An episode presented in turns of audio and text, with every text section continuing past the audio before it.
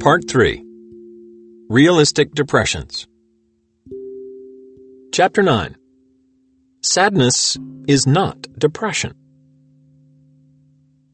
Dr. Burns, you seem to be claiming that distorted thinking is the only cause of depression. But what if my problems are real? This is one of the most frequent questions I encounter during lectures and workshops on cognitive therapy. Many patients raise it at the start of treatment and list a number of realistic problems which they are convinced cause realistic depressions. The most common are bankruptcy or poverty, old age, some people also view infancy, childhood, adolescence, young adulthood, and midlife as periods of inevitable crisis, permanent physical disability, terminal illness, the tragic loss of a loved one. I'm sure you could add to the list. However, none of the above can lead to a realistic depression. There is, in fact, no such thing. The real question here is how to draw the line between desirable and undesirable negative feelings. What is the difference between healthy sadness and depression? The distinction is simple. Sadness is a normal emotion created by realistic perceptions that describe a negative event involving loss or disappointment in an undistorted way. Depression is an illness that always results from thoughts that are distorted in some way. For example, when a loved one dies, you validly think, I lost him or her and I will miss the companionship and love we shared. The feelings such a thought creates are tender, realistic, and desirable. Your emotions will enhance your humanity and add depth to the meaning of life. In this way, you gain from your loss. In contrast, you might tell yourself, I'll never again be happy because he or she died. It's unfair. These thoughts will trigger in you feelings of self pity and hopelessness. Because these emotions are based entirely on distortion, they will defeat you.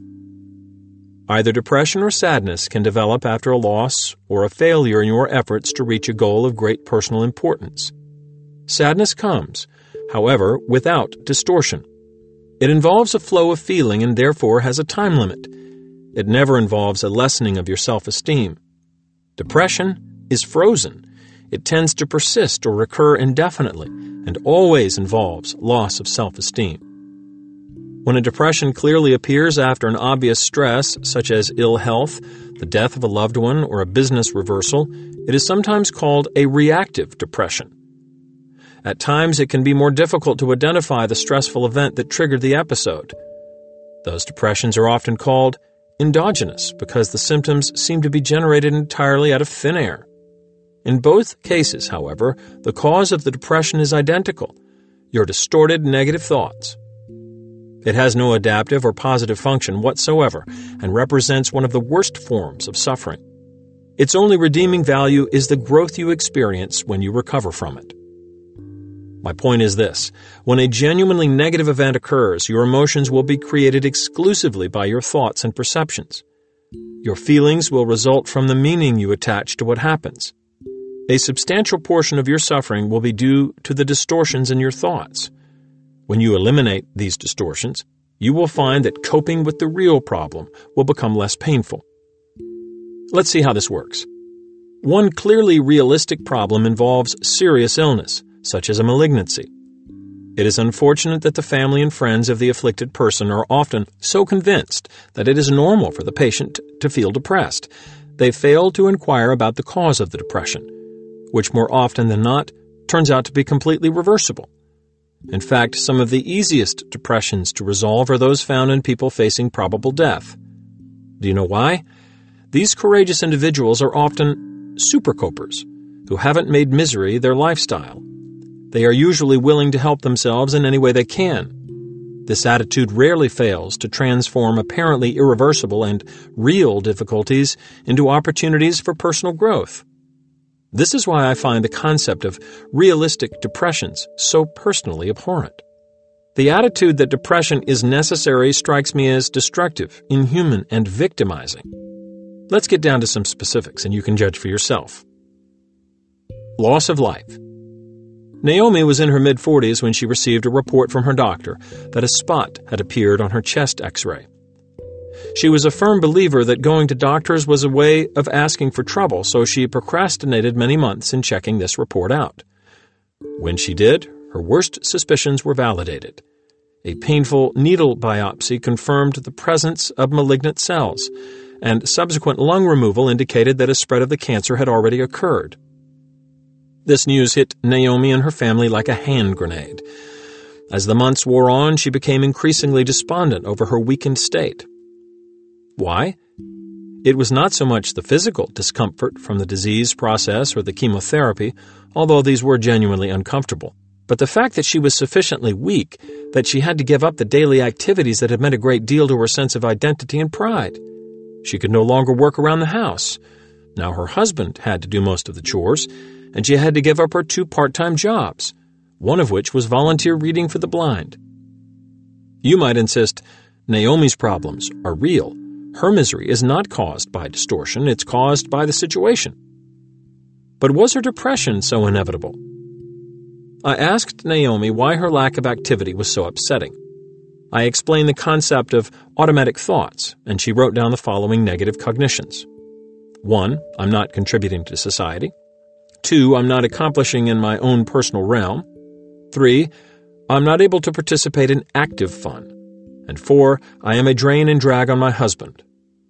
The emotions associated with these thoughts were anger, sadness, frustration, and guilt. When I saw what she had written down, my heart leaped for joy. These thoughts were no different from the thoughts of physically healthy depressed patients I see every day in my practice. Naomi's depression was not caused by her malignancy, but the malignant attitude that caused her to measure her sense of worth by the amount she produced. Because she had always equated her personal worth with her achievements, the cancer meant, You're over the hill. You're ready for the refuse heap. This gave me a way to intervene. I suggested that she make a graph of her personal worth, from the moment of birth to the moment of death. You can see it outlined in Figure 9-1 on the enhancement. She saw her worth as a constant, estimating it at 85% on an imaginary scale from 0 to 100%. I also asked her to estimate her productivity over the same period on a similar scale. She drew a curve with low productivity in infancy, increasing to a maximum plateau in adulthood and finally decreasing again later in life. See Figure 9 1. So far, so good. Then, two things suddenly dawned on her. First, while her illness had reduced her productivity, she still contributed to herself and her family in numerous, small but nevertheless important and precious ways. Only all or nothing thinking could make her think her contributions were a zero. Second, and much more important, she realized her personal worth was constant and steady it was a given that was unrelated to her achievements. This meant that her human worth did not have to be earned, and she was every bit as precious in her weakened state. A smile spread across her face, and her depression melted in that moment. It was a real pleasure for me to witness and participate in this small miracle. It did not eliminate the tumor, but it did restore her missing self esteem, and that made all the difference in the way she felt. Naomi was not a patient, but someone I spoke with while vacationing in my home state of California during the winter of 1976. I received a letter from her soon after which I share with you here. David, an incredibly belated but really important P.S. to my last letter to you. To wit, the simple little graphs you did of productivity as opposed to self worth or self esteem or whatever we shall call it, it has been especially sustaining to me, a plus which I dose out liberally. It really turned me into a psychologist without having to go for my PhD. I find that it works with lots of things that badger and bother people. I've tried these ideas out on some of my friends. Stephanie is treated like a piece of furniture by a chit of a secretary one third her age. Sue is put down constantly by her 14 year old twins. Becky's husband has just walked out. Ilga is being made to feel like an interloper by her boyfriend's 17 year old son, etc. To them, all I say, Yes, but your personal worth is a constant, and all the garbage the world heaps on you doesn't touch it. Of course, in many cases, I realize it's an oversimplification and cannot be an anodyne for all things, but boy, is it helpful and useful. Again, thank you, sir. As ever, Naomi. She died in pain but with dignity six months later. Loss of limb Physical handicaps represent a second category of problems felt to be realistic. The afflicted individual or the family members automatically assume that the limitations imposed by old age or by a physical disability, such as an amputation or blindness, necessarily imply a decreased capacity for happiness. Friends tend to offer understanding and sympathy, thinking this represents a humane and realistic response. The case can be quite the opposite, however. The emotional suffering may be caused by twisted thinking rather than by a twisted body. In such a situation, a sympathetic response can have the undesirable effect of reinforcing self pity as well as feeding into the attitude that the handicapped individual is doomed to less joy and satisfaction than others. In contrast, when the afflicted individual or family members learn to correct the distortions in their thinking, a full and gratifying emotional life can frequently result. For example, Fran is a 35 year old mother of two who began to experience symptoms of depression around the time her husband's right leg became irreversibly paralyzed because of a spinal injury. For six years, she sought relief from her intensifying sense of despair and received a variety of treatments in and out of hospitals, including antidepressant drugs as well as electric shock therapy. Nothing helped.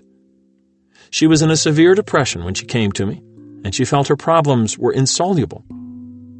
In tears, she described the frustration she experienced in trying to cope with her husband's decreased mobility. Every time I see other couples doing things we can't do, tears come to my eyes. I look at couples taking walks, jumping in the swimming pool or the ocean, riding bikes together, and it just hurts. Things like that would be pretty tough for me and John to do.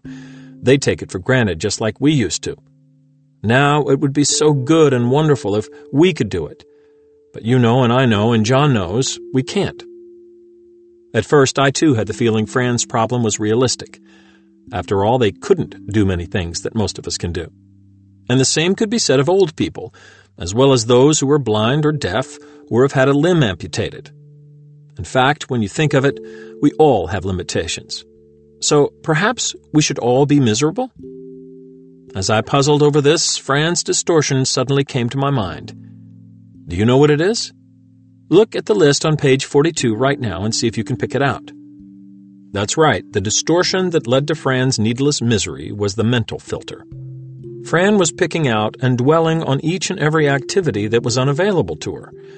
At the same time, the many things she and John could or might do together did not enter her conscious mind. No wonder she felt life was empty and dreary. The solution turned out to be surprisingly simple. I proposed the following to Fran. Suppose at home between sessions you were to make a list of all the things that you and John can do together. Rather than focus on things that you and John can't do, learn to focus on the ones you can do. I, for example, would love to go to the moon, but I don't happen to be an astronaut, so it's not likely I'll ever get the opportunity. Now, if I focused on the fact that in my profession and at my age it is extremely unlikely I could ever get to the moon, I could make myself very upset. On the other hand, there are many things I can do, and if I focus on these, then I won't feel disappointed. Now, what would be some things you and John can do as a couple? Fran, well, we enjoy each other's company still. We go out to dinner and we're buddies. David, okay, what else? We go for rides together, we play cards, movies, bingo. He's teaching me how to drive. You see, in less than 30 seconds, you've already listed six things you can do together. Suppose I gave you between now and next session to continue the list. How many items do you think you could come up with? Quite a lot of them. I could come up with things we've never thought of. Maybe something unusual like skydiving. Right. You might even come up with some more adventurous ideas. Keep in mind that you and John might in fact be able to do many things you are assuming you can't do. For example, you told me you can't go to the beach. You mentioned how much you'd like to go swimming. Could you go to a beach that's a little more secluded so you wouldn't have to feel quite so self conscious? If I were on a beach and you and John were there, his physical disability wouldn't make one darn bit of difference to me. In fact, I recently visited a fine beach on the north shore of Lake Tahoe in California with my wife and her family. As we were swimming, we suddenly happened upon a cove that had a nude beach, and here were all these young people with no clothes on. Of course, I didn't actually look at any of them, I want you to understand, but in spite of this, I did happen to notice that one young man had his right leg missing from the knee down, and he was there having fun with the rest of them. So I'm not absolutely convinced that just because someone is crippled or missing a limb, they can't go to the beach and have fun. What do you think? Some people might scoff at the idea that such a difficult and real problem could be so easily resolved or that an intractable depression like Fran's could turn around in response to such a simple intervention. She did, in fact, report a complete disappearance of her uncomfortable feelings and said she felt the best she had in years at the end of the session.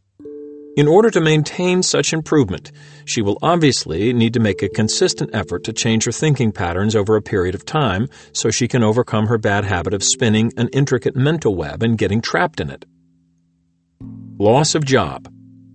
Most people find the threat of a career reversal or the loss of livelihood a potentially incapacitating emotional blow because of the widespread assumption in Western culture that individual worth and one's capacity for happiness are directly linked with professional success.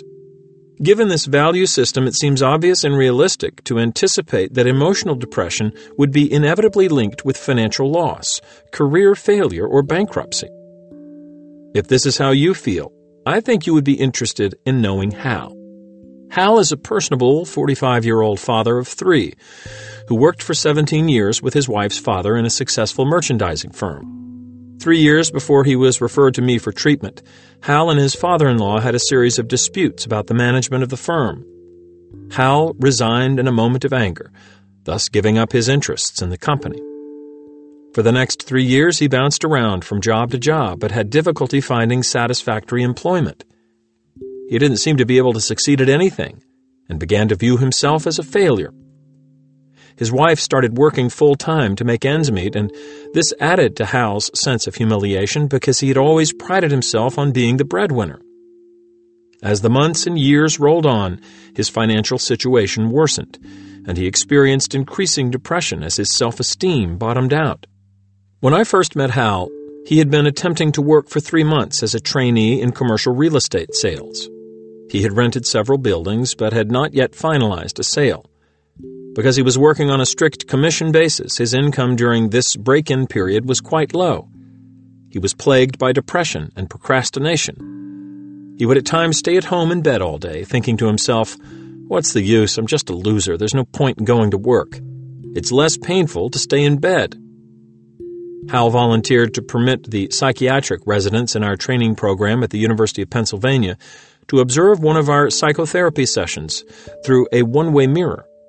During this session, Hal described a conversation in the locker room of his club. A well to do friend had informed Hal of his interest in the purchase of a particular building. You might think he would have jumped for joy on learning this, since the commission from such a sale would have given his career, confidence, and bank account a much needed boost. Instead of pursuing the contact, Hal procrastinated several weeks. Why? Because of his thought, it's too complicated to sell a commercial property. I've never done this before. Anyway, he'll probably back out at the last minute. That would mean I wouldn't make it in this business. It would mean I was a failure. Afterward, I reviewed the session with the residents. I wanted to know what they thought about Hal's pessimistic, self defeating attitudes. They felt that Hal did in fact have a good aptitude for sales work and that he was being unrealistically hard on himself. I used this as ammunition during the next session. Hal admitted that he was more critical of himself than he would ever be toward anyone else. For example, if one of his associates lost a big sale, he'd simply say, It's not the end of the world, keep plugging. But if it happened to him, he'd say, I'm a loser. Essentially, Hal admitted he was operating on a double standard tolerant and supportive toward other people, but harsh, critical, and punitive toward himself. You may have the same tendency. Hal initially defended his double standard by arguing it would be helpful to him. How? Well, first of all, the responsibility and interest that I have in the other person is not the same as the responsibility that I have for myself. David. Okay, tell me more. Hal. If they don't succeed, it's not going to be bread off my table or create any negative feelings within my family unit. So the only reason I'm interested in them is because it's nice to have everybody succeed. But they're. Wait, wait, wait. You're interested in them because it's nice to have them succeed? Yeah, I said. The standard you apply to them is one that you think would help them succeed. Right. And is the standard you apply to yourself the one that will help you succeed? How do you feel when you say, one missed sale means I am a failure? Discouraged. Is this helpful? Well, it hasn't produced positive results, so apparently it's not helpful. And is it realistic to say, one missed sale and I'm a failure? Not really. So why are you using this all or nothing standard on yourself? Why would you apply helpful and realistic standards to these other people who you don't care so much about and self defeating, hurtful standards to yourself who you do care something about? Hal was beginning to grasp that it wasn't helping him to live by a double standard. He judged himself by harsh rules that he would never apply to anyone else. He initially defended this tendency, as many demanding perfectionists will, by claiming it would help him in some way to be so much harder on himself than on others. However, he then quickly owned up to the fact that his personal standards were actually unrealistic and self defeating because if he did try to sell the building and didn't succeed, he would view it as a catastrophe. His bad habit of all or nothing thinking was the key to the fear that paralyzed him and kept him from trying. Consequently, he spent most of his time in bed, moping. Hal asked for some specific guidelines concerning things he might do to rid himself of his perfectionistic double standards so that he could judge all individuals, including himself, by one objective set of standards. I propose that as a first step, Hal might use the automatic thought rational response technique. For example, if he were sitting at home procrastinating about work, he might be thinking, if I don't go to work early and stay all day and get caught up on all my work, there's no point at even trying. I might as well lie in bed. After writing this down, he would substitute a rational response this is just all or nothing thinking, and it's baloney. Even going to work for a half day could be an important step and might make me feel better. Hal agreed to write down a number of upsetting thoughts before the next therapy session at those times he felt worthless and down on himself. Take a look at Hal's homework assignment in Figure 9-2 on the enhanced portion of this audiobook. Two days later, he received a layoff notice from his employer and he came to the next session highly convinced his self critical thoughts were absolutely valid and realistic. He'd been unable to come up with a single rational response. The notice implied that his failure to show up at work necessitated his release from his job. During the session, we discussed how he could learn to talk back to his critical voice. David. Okay, now let's see if we can write down some answers to your negative thoughts in the rational response column. Can you think of any answer based on what we talked about last session? Consider your statement, I am inadequate. Would this in any way result from your all or nothing thinking and perfectionistic standards? The answer might be clearer to you if we do a role reversal. It's sometimes easier to speak objectively about someone else. Suppose I came to you with your story and told you that I was employed by my wife's father. Three years ago, we had a fight. I felt I was being taken advantage of. I walked out. I've kind of been feeling blue ever since that time, and I've been tossing around from job to job. Now I've been fired from a job that was purely on a commission basis, and that's really a double defeat for me. In the first place, they didn't pay me anything, and then in the second place, they didn't even figure I was worth that much, so they fired me. I've concluded that I'm inadequate, an inadequate human being. What would you say to me?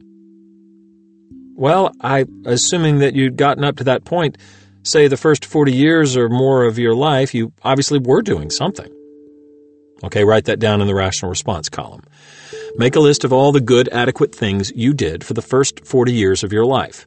You've earned money, you've raised children who were successful, etc., etc. Okay, I can write down that I've had some success. We've had a good home, we've reared three outstanding children, People admire and respect me, and I have involved myself in community activities.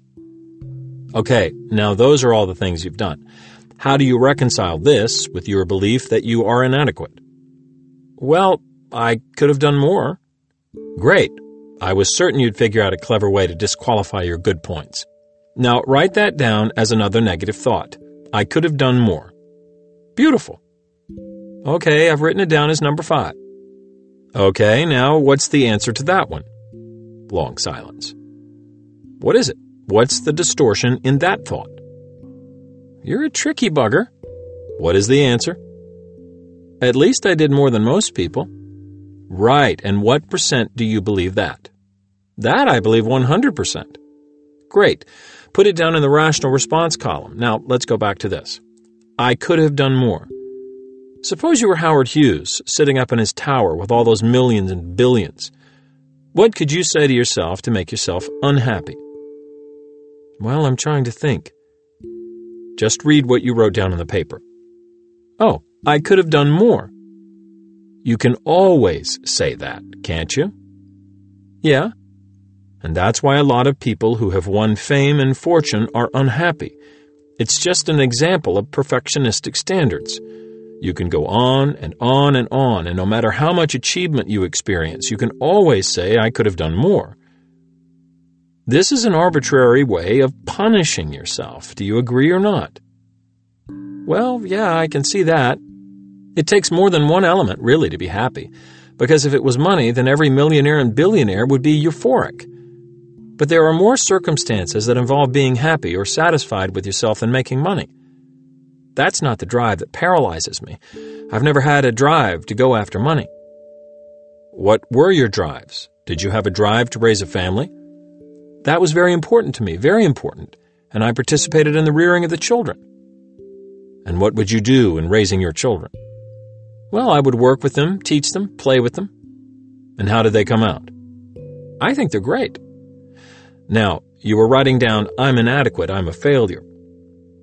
How can you reconcile this with the fact that your aim was to raise three children and you did it? Again, I guess I wasn't taking that into account. So how can you call yourself a failure? I have not functioned as a wage earner, as an effective moneymaker for several years. Is it realistic to call yourself a failure based on that? Here's a man who has had a depression for three years and he finds it difficult to go to work, and now it's realistic to call him a failure? People with depressions are failures? Well, if I knew more of what caused depression, I would be better able to make a value judgment. Well, we're not going to know the ultimate cause of depression for some time yet. But our understanding is that the immediate cause of depression is punitive, hurtful statements that you hit yourself with. Why this happens more to some people than others, we don't know. The biochemical and genetic influences have not yet been worked out. Your upbringing undoubtedly contributed, and we can deal with that in another session if you like. Since there is no final proof yet of the ultimate cause of depression, can't we think of that in terms of a failure in itself? I mean, we don't know where it's coming from. It must be something wrong with me that caused it, some way that I have failed myself that causes the depression. What evidence do you have for that? I don't. It's just a possibility. Okay, but to make an assumption as punishing as that, anything is a possibility. But there is no evidence for that. When patients get over depressions, then they become just as productive as they ever were. Seems to me that if their problem was that they were failures, when they got over the depression, they would still be failures. I've had college professors and corporate presidents who have come to me. They were just sitting and staring at the wall, but it was because of their depression. When they got over the depression, they started giving conferences and managing their businesses like before. So, how can you possibly say that depression is due to the fact that they are failures? Seems to me that it's more the other way around, that the failure is due to the depression. I can't answer that. It's arbitrary to say that you are a failure. You have had a depression, and people with depression don't do as much as when they are undepressed. Then I'm a successful depressive. Right. Right, and part of being a successful depressive means to get better. So I hope that's what we're doing now. Imagine that you had pneumonia for the past six months. You wouldn't have earned any dough. You could also say, This makes me a failure. Would that be realistic? I don't see how I could claim that because I certainly wouldn't have willfully created the pneumonia. Okay, can you apply the same logic to your depression? Yeah, I can see it, I don't honestly feel that my depression was willfully induced either. Of course it wasn't. Did you want to bring this on? Oh boy, no. Did you consciously do anything to bring it on? Not that I know of. And if we knew what was causing depression, then we could put the finger someplace. Since we don't know, isn't it silly to blame Hal for his own depression? What we do know is that depressed people get this negative view of themselves and they feel and behave in accord with this negative vision of everything. You didn't bring that on purposely or choose to be incapacitated. And when you get over that vision, and when you have switched back to a non depressed way of looking at things, you are going to be just as productive, or more so, than you've ever been. If you're typical of other patients that I've worked with, you see what I mean? Yeah, I can see. It was a relief for Hal to realize that although he had been financially unsuccessful for several years, it was nonsensical to label himself as a failure. This negative self image and his sense of paralysis resulted from his all or nothing thinking. His sense of worthlessness was based on his tendency to focus only on the negatives in his life, the mental filter, and to overlook the many areas where he had experienced success, discounting the positive. He was able to see that he was aggravating himself unnecessarily by saying, I could have done more, and he realized that financial value is not the same as human worth. Finally, Hal was able to admit that the symptoms he was experiencing, lethargy and procrastination, were simply manifestations of a temporary disease process and not indications of his true self. It was absurd for him to think his depression was just punishment for some personal inadequacy, any more than pneumonia would be. At the end of the session, the Beck Depression Inventory test indicated that Hal had experienced a 50% improvement. In the weeks that followed, he continued to help himself, using the double column technique. As he trained himself to talk back to his upsetting thoughts, he was able to reduce the distortions in his harsh way of evaluating himself, and his mood continued to improve. Hal left the real estate business and opened a paperback bookstore. He was able to break even, but in spite of considerable personal effort, he was unable to show enough profit to justify continuing beyond the first year's trial period. Thus, the marks of external success had not changed appreciably during this time. In spite of this, Hal managed to avoid significant depression and maintained his self esteem. The day he decided to throw in the towel on the bookstore, he was still below the zero point financially, but his self respect did not suffer. He wrote the following brief essay, which he decided to read each morning while he was looking for a new job. Why am I not worthless? As long as I have something to contribute to the well being of myself and others, I am not worthless. As long as what I do can have a positive effect, I am not worthless. As long as my being alive makes a difference to even one person, I am not worthless. And this one person can be me if necessary. If giving love, understanding, companionship, encouragement, sociability, counsel, solace means anything, I am not worthless. If I can respect my opinions, my intelligence, I am not worthless. If others also respect me, that is a bonus. If I have self respect and dignity, I am not worthless. If helping to contribute to the livelihood of my employees' families is a plus, I am not worthless if I do my best to help my customers and vendors through my productivity and creativity, I am not worthless. If my presence in this milieu does make a difference to others, I am not worthless. I am not worthless. I am eminently worthwhile. Loss of a loved one. One of the most severely depressed patients I treated early in my career was Kay, a 31 year old pediatrician whose younger brother had committed suicide in a grisly way outside her apartment six weeks earlier. What was particularly painful for Kay was that she held herself responsible for his suicide, and the arguments she proposed in support of this point of view were quite convincing. Kay felt she was confronted by an excruciating problem that was entirely realistic and insoluble. She felt that she too deserved to die and was actively suicidal at the time of referral. A frequent problem that plagues the family and friends of an individual who successfully commits suicide is the sense of guilt. There is a tendency to torture yourself with such thoughts as, Why didn't I prevent this? Why was I so stupid? Even psychotherapists and counselors are not immune to such reactions and may castigate themselves. It's really my fault. If only I had talked to him differently in that last session. Why didn't I pin him down on whether or not he was suicidal? I should have intervened more forcefully. I murdered him. What adds to the tragedy and irony is that in the vast majority of instances, the suicide occurs because of the victim's distorted belief that he has some insoluble problem, which, viewed from a more objective perspective, would seem much less overwhelming and certainly not worth suicide.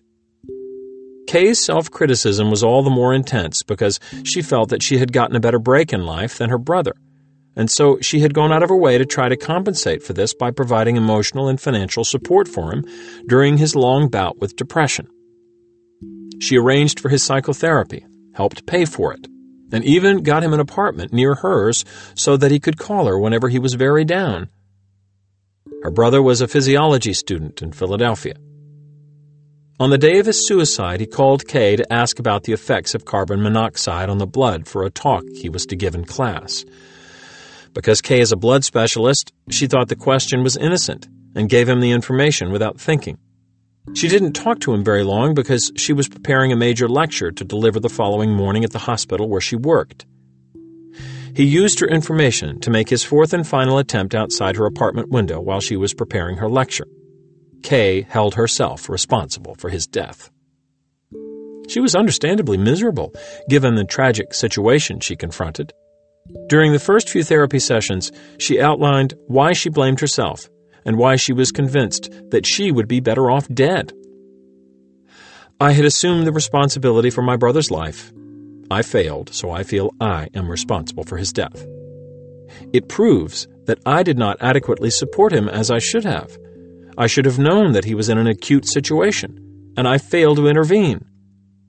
In retrospect, it's obvious that he was getting suicidal again. He had had three prior serious suicide attempts. If I had just asked him when he called me, I could have saved his life. I was angry with him on many occasions during the month before he died, and in all honesty, he could be a burden and a frustration at times. At one time, I remember feeling annoyed and saying to myself that perhaps he would be better off dead. I feel terrible guilt for this. Maybe I wanted him to die. I know that I let him down, and so I feel that I deserve to die. Kay was convinced that her guilt and agony were appropriate and valid. Being a highly moral person with a strict Catholic upbringing, she felt that punishment and suffering were expected of her. I knew there was something fishy about her line of reasoning, but I couldn't quite penetrate her illogic for several sessions, because she was bright and persuasive and made a convincing case against herself. I almost began to buy her belief that her emotional pain was realistic. Then, the key that I hoped might free her from her mental prison suddenly dawned on me. The error she was making was number 10 discussed in Chapter 3 personalization. At the fifth therapy session, I used this insight to challenge the misconceptions in Kay's point of view. First of all, I emphasized that if she were responsible for her brother's death, she would have had to be the cause of it. Since the cause of suicide is not known, even by experts, there was no reason to conclude that she was the cause. I told her that if we had to guess the cause of his suicide, it would be his erroneous conviction that he was hopeless and worthless, and that his life was not worth living. Since she did not control his thinking, she could not be responsible for the illogical assumptions that caused him to end his life. They were his errors, not hers.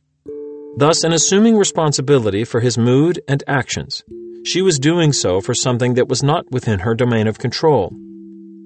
The most that anyone could or would expect of her was to try to be a helping agent, as she had been within the limits of her ability. I emphasized that it was unfortunate she did not have the knowledge necessary to prevent his death. If it had dawned on her that he was about to make a suicide attempt, she would have intervened in whatever manner possible. However, since she did not have this knowledge, it was not possible for her to intervene. Therefore, in blaming herself for his death, she was illogically assuming that she could predict the future with absolute certainty, and that she had all the knowledge in the universe at her disposal. Since both these expectations were highly unrealistic, there was no reason for her to despise herself. I pointed out that even professional therapists are not infallible in their knowledge of human nature and are frequently fooled by suicidal patients in spite of their presumed expertise.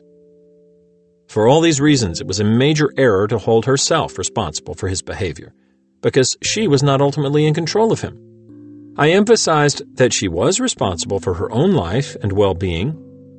At this point, it dawned on her that she was acting irresponsibly, not because she let him down, but because she was allowing herself to become depressed and was contemplating her own suicide. The responsible thing to do was to refuse to feel any guilt and to end the depression, and then to pursue a life of happiness and satisfaction. This would be acting in a responsible manner. This discussion was followed by a rapid improvement in her mood. Kay attributed this to a profound change in her attitude. She realized we had exposed the misconceptions that made her want to kill herself. She then elected to remain in therapy for a period of time in order to work on enhancing the quality of her own life, and to dispel the chronic sense of oppression that had plagued her for many years prior to her brother's suicide. Sadness without suffering. The question then arises what is the nature of healthy sadness when it is not at all contaminated by distortion? Or to put it another way, does sadness really need to involve suffering? While I cannot claim to know the definitive answer to this question, I would like to share an experience which occurred when I was an insecure medical student, and I was on my clinical rounds on the urology service in the hospital at Stanford University Medical Center in California. I was assigned to an elderly man who recently had had a tumor successfully removed from his kidney. The staff anticipated his rapid discharge from the hospital, but his liver function suddenly began to deteriorate and it was discovered that the tumor had metastasized to his liver. This sad complication was untreatable, and his health began to fail rapidly over several days. As his liver function worsened, he slowly began to get groggier, slipping toward an unconscious state. His wife, aware of the seriousness of the situation, came and sat by his side night and day for over 48 hours. When she was tired, her head would fall on his bed, but she never left his side. At times, she would stroke his head and tell him, You're my man, and I love you. Because he was placed on the critical list, the members of his large family, including children, grandchildren, and great grandchildren, began to arrive at the hospital from various parts of California. In the evening, the resident in charge asked me to stay with the patient and attend the case. As I entered the room, I realized that he was slipping into a coma. There were eight or ten relatives there, some of them very old and others very young. Although they were vaguely aware of the seriousness of his condition, they had not been informed of just how grave the imminent situation was. One of his sons, sensing the old gentleman was nearing the end, asked me if I would be willing to remove the catheter which was draining his bladder. I realized the removal of the catheter would indicate to the family that he was dying, so I went to ask the nursing staff if this would be appropriate to do. The nursing staff told me that it would because he was indeed dying. After they showed me how to remove a catheter, I went back to the patient and did this while the family waited. Once I was done, they realized that a certain support had been removed, and the son said, Thank you. I know it was uncomfortable for him, and he would have appreciated this. Then the son turned to me as if to confirm the meaning of the sign and asked, Doctor, what is his condition? What can we expect? I felt a sudden surge of grief I had felt close to this gentle, courteous man because he reminded me of my own grandfather, and I realized that tears were running down my cheeks. I had to make a decision either to stand there and let the family see my tears as I spoke with them or to leave and try to hide my feelings. I chose to stay and said with considerable emotion, He is a beautiful man. He can still hear you, although he is nearly in a coma, and it is time to be close to him and say goodbye to him tonight. I then left the room and wept. The family members also cried and sat on the bed while they talked to him and said goodbye. Within the next hour, his coma deepened until he lost consciousness and died. Although his death was profoundly sad for the family and for me, there was a tenderness and a beauty to the experience that I will never forget. The sense of loss and the weeping reminded me you can love, you can care, this made the grief an elevating experience that was entirely devoid of pain or suffering for me. Since then, I have had a number of experiences that brought me to tears in this same way. For me, the grief represents an elevation, an experience of the highest magnitude. Because I was a medical student, I was concerned that my behavior might be seen as inappropriate by the staff. The chairman of the department later took me aside and informed me that the patient's family had asked him to extend their appreciation to me for being available to them and for helping make the occasion of his passing intimate and beautiful. He told me that he too had always felt strongly toward this particular individual and showed me a painting of a horse the elderly man had done which was hanging on his wall. The episode involved a letting go, a feeling of closure and a sense of goodbye. This was in no way frightening or terrible, but in fact it was peaceful and warm and added a sense of richness to my experience of life.